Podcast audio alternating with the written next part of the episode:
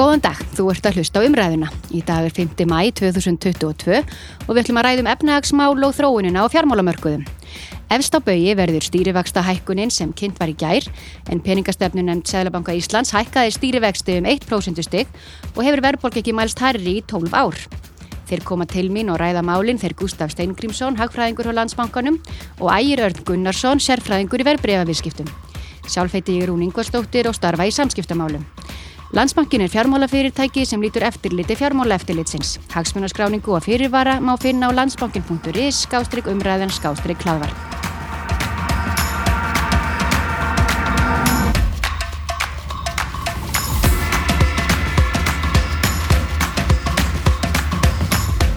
Velkomnir, báðir Já, tveir. takk fyrir. Hvað segið þið þá? Bara fín. Þau ekki að vinda okkur bara beint í mál-málana. Peningastefnun en Sælabankans ákvaði að gera hækka stýrivextum 1% stig og stýrivextir eru þá 3,75%.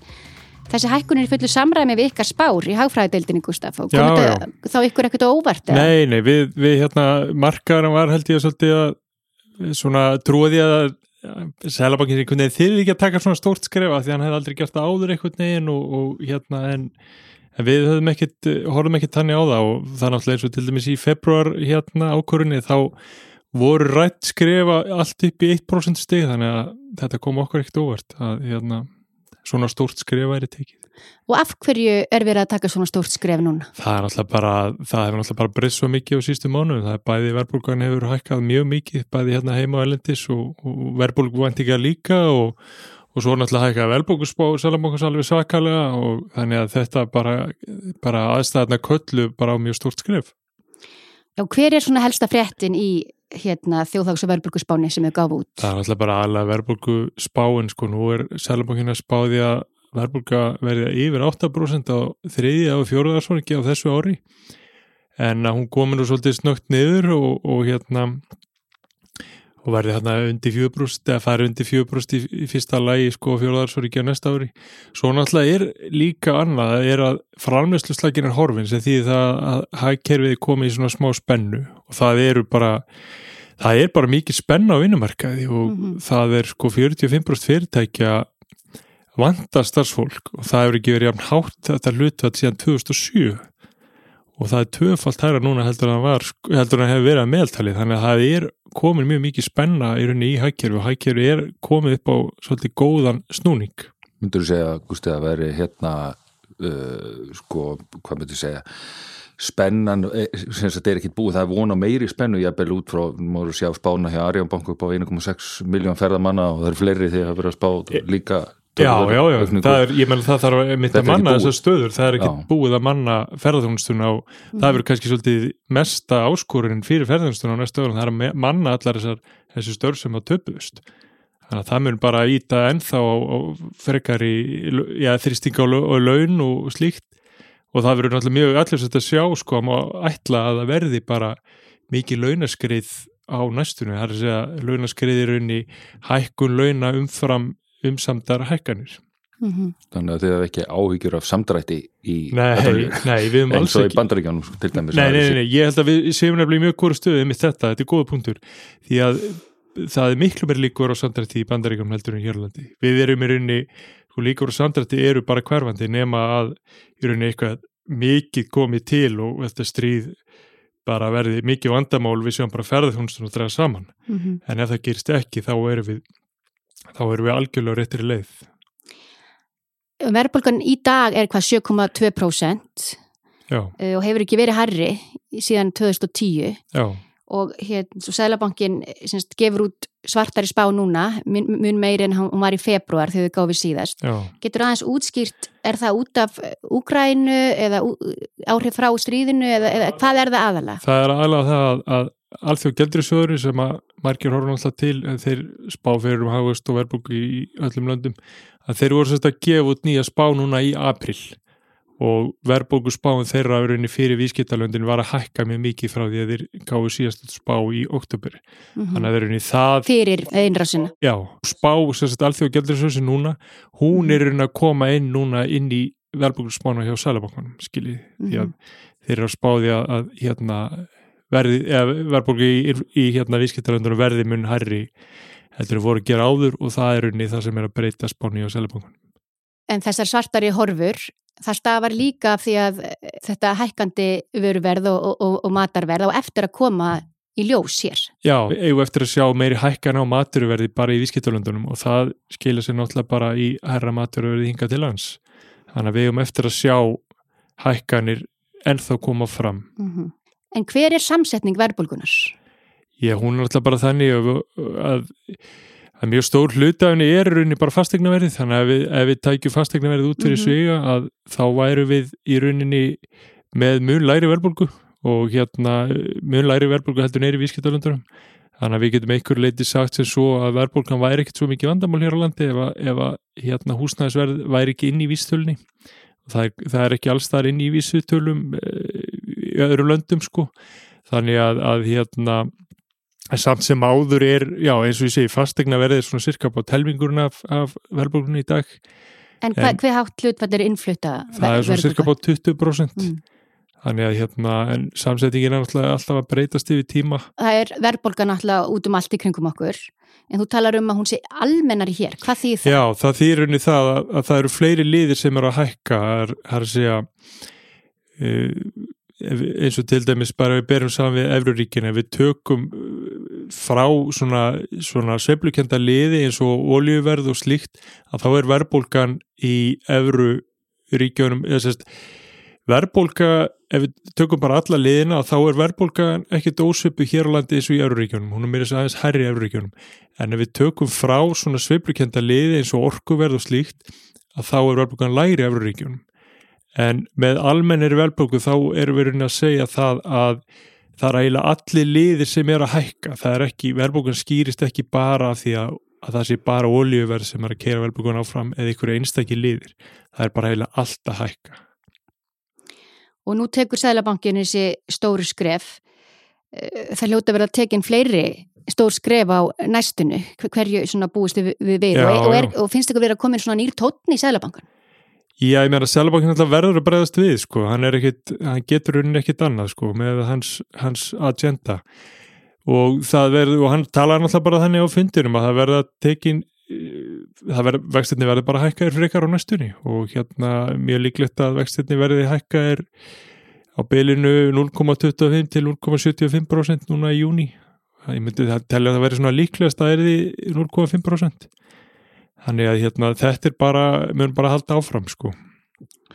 Nú hækkaði sem sagt Sælabóki bandaríkjara líka vext í gerð sem sagt um hérna 0,5% líka og svona gaf út gá, gáðu svolítið út líka í kjölfarið svona uh, hvernig landi lægi næstu mánuði og hérna svona í að að 50 púnta hækkun í júni og 50 púnta hækkun í júli svo hann spurður einmitt út í J. Powell út í sko við erum mögulega hækkið meira þá taldi það frekar ólíklegt og, og nefndi þá, ég veit mann ekki hvort það verið því samengi eða annað þá var talað um einmitt að hann hefði sagt sko, já ég stjórn ekki frambúsli, frambúsliðinni ég stjórna eftirspurnarliðin og ég er hann að tempra hana eitthvað leiti en frambús vandamálin sko, þau eru líka keiru færbólguna og þessi aðfóku keiðu vandamál sem er nú ennþá í gangi og náttúrulega bara hækkandi ráuru veð út af einmitt, þessu stríði. Hefur ykkur tilfinningu sko, hann, þó að þeir séu kannski ekki samabur hæfið, hann hann og Sælabankin og bankastjóru okkar.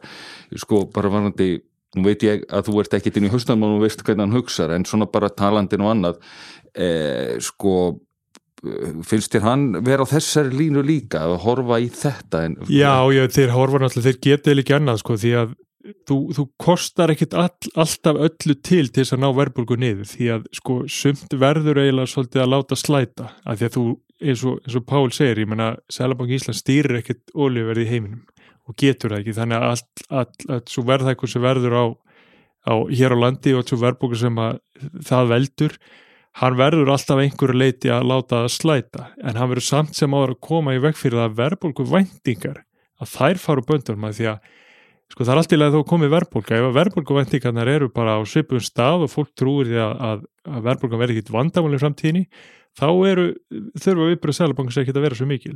En hann þarf að ná niður verðbólku vendingum að því að ef að þær fara á eitthvað skrið að þá verður, getur verðbólkan bara orðið mjög mikið vandamál. Og verð, þá verður, fer svona aðlastun ákveði líf og fer svona ganga svolítið sjálfvala Þannig að sjálf, þetta verður svona spátum Já. sem uppfyllir sér sjálf Já, í rauninni, sko, já, því að þá fer sko, ef verðbúkuvæntingar heimila, heimila til dæmis vaksa, þá halda þau að verði meiri verðbúkuv í framtíðinni. Sem því að sérst, ef að launahækarnir haldi ekki við það, þá lækka kaupmáttunum þannig að þá fara heimili fram með herri nafnlaunahækarnir sem er rauninni ennþá valda meiri verðbúkuv og í sama með fyrirtækjan ef að verðbúkuvæntingar fyrirtækja vaksa að þá halda þau, já, heyrðbyttu það halda allir öll að þannig að þá er alltaf auðvildar fyrir fyrirtækin hækka verð, af því þau, vit, þau halda að aðri séu líka að fara að hækka verð. Og þá verður þetta bara svona spírald sem að vindur upp á sig og, og, og getur verið erfitt að ná niður aftur. Nú höfum við aðeins talað um ástæðunar fyrir þessari hækkun en eh, mér langar að ræða eins um hvaða áhrif hefur það? Hvaða áhrif hefur það þegar stýrivextur eru hækkaður um heilt prósentustig á efnahagskerfið og, og fólk almennt Já, það náttúrulega kemur inn með ýmsum hætti, það náttúrulega bara er kannski, ef við tökum bara heimilin, byrjum á þeim, mm -hmm. að þá má náttúrulega gefa sér það að, að vextir á, á hérna overtriðum breytilegum húsnæðslánum Mhm. munu hækka og raunni bara allir vextir á öllum breytilegum lánum, hvort það eru húsnæðslán eða nulán. Þannig, að- þannig að þau heimili sem eru með slík lán, þau munu finna fyrir því strax og sama með fyrirtækin sem eru á breytilegum lánum. Uh, síðan eru náttúrulega önnur áhrif sem er í gegnum gengi krónunar að uh, hækkun vaksta ætti að styrkja krónuna aðeins tímabundi sem er þá hjálpa, hjálpa því að draga niður verðbúkuna og svo náttúrulega eru hæri vextir því að það ástunakrafa á fjárögnir vext þannig að það ætti að draga úr hækkunum á, á eignamörkuðum sem að tempra eftirspurnina líka og svo eru náttúrulega bara fleiri liðir þetta er svona, þetta, hef, þetta er svona svolítið markvítt, áhrifin eru svolítið markvíð á hækkerfið. fólki fer að tala um að það finni fyrir hækkandi matveru verði bara í sínu matarinköpum finni þið fyrir því, takið þið eftir þessu Já, já, ég, ég tek eftir þessu. Þetta er bara mjög, mjög allir sérst og að því að maður er svo bara vanur því að þetta gerist ósala hægt að því að þetta er bara, er svo mörg ár síðan þetta var svona að hækka eins og bara, þú veist, við þurfum meðlega að fara aftur til hrunsins til þess að sjá svona mikla hækkanir. Þannig að maður, já, já, maður tekur eftir þessu. Algjörlega. Við töluðum aðeins um spennu á vinnumarkaði áðan. Ákvarðanir í atvinnulífi á vinnumarkaðu og ríkisfjármálu munu skipta miklu máli í hversu hátt vextir þurfa að fara. Hvað tellið þið að kjara samninga viðræðunar eftir að spila stóran þátt í þessu öllu saman? Bara mjög, mjög stóra þátt og það var, mér, mér fannst þau mjög aðtilsvert að, að sjá hvað Áskir var að tala um í gæra þannig að hann sagði sko að að Sælabankin mun mögulega þurfa að keira hækkerun í kreppu ef að launahækana verða það miklar að það er eitthvað svolítið að fara að gerast. Það sem er unni bara skipti mestu máli og það sem er alltaf verið að horfa framjá sem er unni aðalatrið, það er kaupmátturinn. Það er ekki naflunahækkanir, það er hækkanir umfram verbulgu og það hefur náttúrulega verið, það hafa orðið mikla naflunahækkanir hér á landi á, bara í mörg síðust ár, miklu herri heldur en í viðskiptalandunum og kaupmántathróunin hefur verið mjög jákvæð, kaupmántur hefur vaksið mjög mikið og það er, það er mjög mikilvægt að varveita þennan kaupmátt því hann er ekkit, hann, það er ekkit að taka honum sem sjálfgefnum. Ef að verbulgan, ef að launahækkan verðu miklar, þá, mun, þá munu launafólk fá mögulega læri kaupmátt heldur hann hann hefði gerst að það færi fram með hófleri naflunahækkanir. Þannig að þetta er raunlaun eru það sem skipta mestu máli, ekki naflun. Verðbólgan er að stíga hratt sem er ákveðið áhugjefni en, en það er samt margt jákvægt líka. Efnahagslífið er að koma betur út úr COVID en við óttuðumst og, og, og betur en margar aðra þjóðir ekki satt og við sjáum fram á gott ferðarsumar eins og Sælabankastjóri sagði. Hvað, það er ímislegt, það er ástæða fyrir að vera bjart sín líka. Já, já, við tökum bara til þess að flugframbóðið í sumar. Mm. Það er bara mjög svipað í að var 2019. Það er bara rétt undir og 2019 var náttúrulega síðast ár fyrir COVID og þá komu náttúrulega mjög margir ferðar með til landsins. Ég held að það verið tvær með launni þá. Þannig að við erum alveg að þetta er að gerast bara og þetta er að gerast hratt og, og það er ástæða bara til þess að vera mjög bjassinn mm -hmm. og að þetta ár verður bara mjög gott hvað var þar efnahegin í Írlandi. Það er ekki þannig líka ferðamæðurinn sem er að koma núna og hefur verið að koma, hann hefur verið að eyða meira heldur en ferða, svona meðaltæli heldur en Jú, ferðamæðurinn. hann hefur verið að gista aðeins lengur og það er mm -hmm. náttúrulega ákveðin COVID-áhrif og það verður allir svolítið að sjá hvort að þau áhrif séu komið til að vera, hvort að ferðamyndir séu bara að koma hinga til að vera aðeins lengur en þeir voru fyrir COVID. Það er svona, það er spennand að sjá. Það sem er kannski líka með okkur sem land sko í þessu strís ástandi, það er svona, það, þetta er friðsælt ríki og örugt svona öllu jöfnu. Og það er svona virðist vera að fólk, sækir svolítið í það náttúrulega núna. Sækir, sækir í friðin sækir friði og öryggi. Við höfum séð eh, flugfargjöld hækka fyrir eh, hérna hjá okkur. Hvað eru við að fara að sjá svona hækka mest? Hvað hefur verið að hækka mest heldur þú? Já, það er náttúrulega bara það sem er að, já, flugfælgjöldin hafa alltaf hækkuð mjög mikið í april, mjög óvænt, mjög Mhm. mikið, það er náttúrulega einhver leiti má reykja það vantilega til olíversis en, en flugfælgjöldin eru svona þáttu sem að erfitt er að, erfitt er að spá fyrir um, það eru svona mjög, mjög svona söflukendur liður og það sem eru náttúrulega bara hækka, það eru náttúrulega bara mjög almennar hækkanir, það er náttúrulega miklar hækkanir sjálfur sér á innfluttum vörum og svo náttúrulega ekki allir fastegna verið að hækka yfir 20% á ársgrundöldi þannig þetta er nú allt svona bara frekar almennt miklar hækkanir.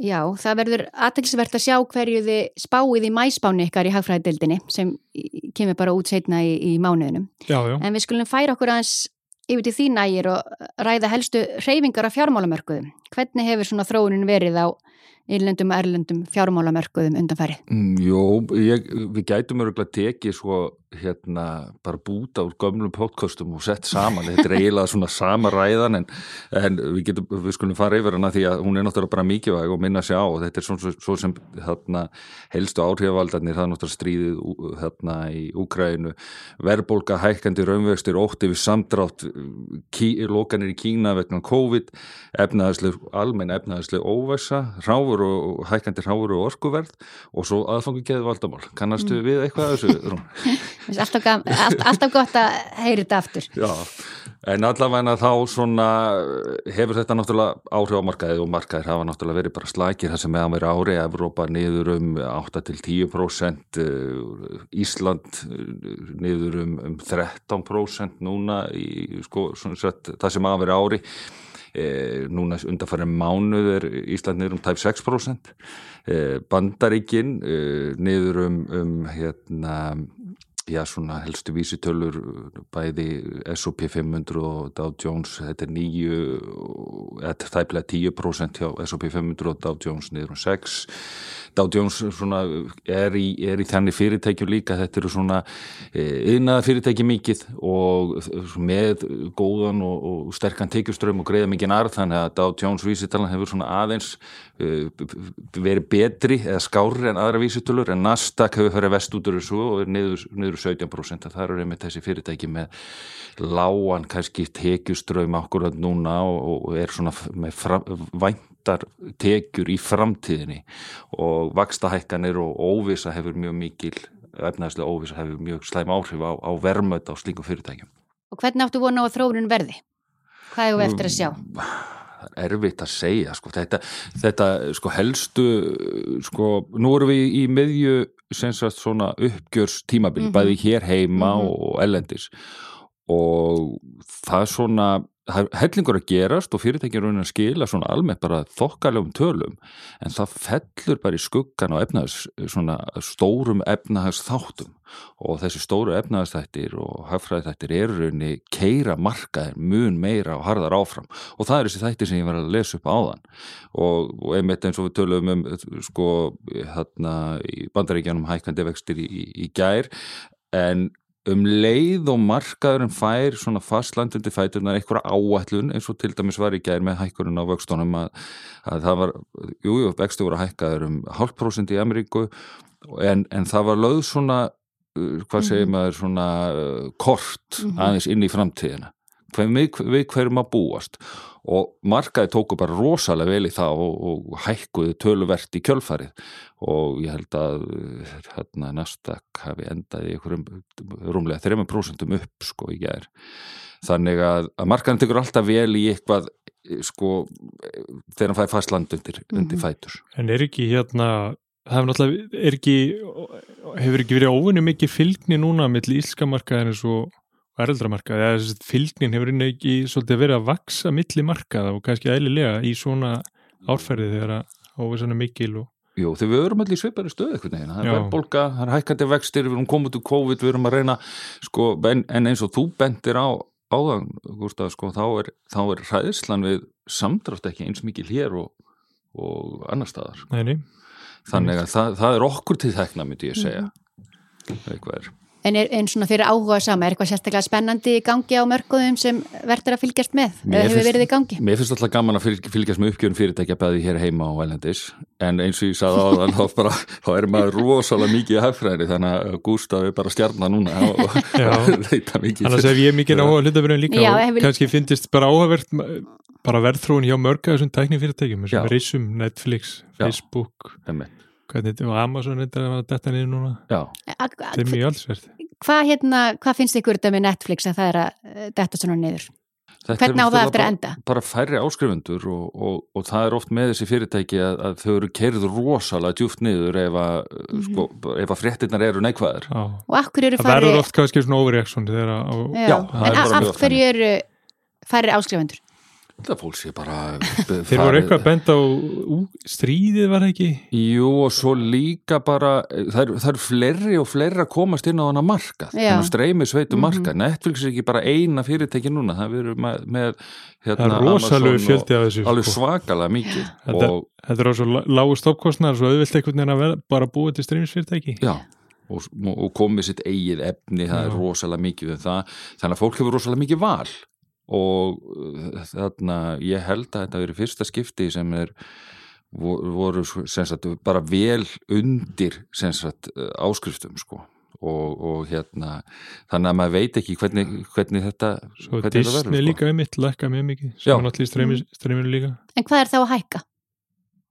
Það eru, uh, sko, þau, þau fyrirtæki kannski sem að koma best út úr svona umhverfi eru, sko, og fyrir svona langtíma fjárfestan sem er tilbúin og vil verja sig fyrir verðbólgu að uh, þá eru þetta oft fyrirtæki sem er, þá leita fjárfestar oft í fyrirtæki með háarargreislur, með tekjur þessi, þessi, þessi ólíu fyrirtækin til dæmi stóru og fyrirtæki sem að, að hafa svo kallaðan svona pricing power geta raunni veld verðlæginu á stórun hluta yfir og neytandan þetta eru þá fyrirtæki með og, og lækka kostna hjá sér í leiðinni uh, geta þá skalað upp hjá sér og hérna og eru jafnvel með sem sagt vörumerki sem að fjárfestar eru mjög hliðhóllir það eru þessi fyrirtæki sem svona, svona sigla, skulum við segja kannski ekki alveg lignansjó en sigla, vera að sigla aðeins betur í gegnum þetta heldur en Já, að sterku vörumirkjunu alltaf, ég menna að maður hættir ekki að kaupa kók þó að það hækju Nei. fyrir með 10% skilur En eigum við þá að ljúkita á þróunum á gjaldriðsmarkaðnum og skuldabrifamarkaði? Er eitthvað þar sem þið viljið benda á? Krónan er náttúrulega bara áfram að styrkjast og, og vakstamunur og nörgla stiði við það áfram. Já, já. hækandi vakstamunur milli okkar og, og til dæmis evru Já, við, við búist bara áfram við áframaldandi styrkingu krónunar sko. Og með minn er við sem að spáði að í krónunan eða ef hann verði loka á 6 ári kringu 132-3 eitthvað svo leiðis, hún er 137 núna. Það er náttúrulega bara fyrst og finnst ferðjónstan sem að og allur sá uppgangur sem er að, sem er að svona, já, styrkja krónuna Þá held ég að við segjum þetta bara gott. Takk fyrir komuna. Já, takk sem leiðis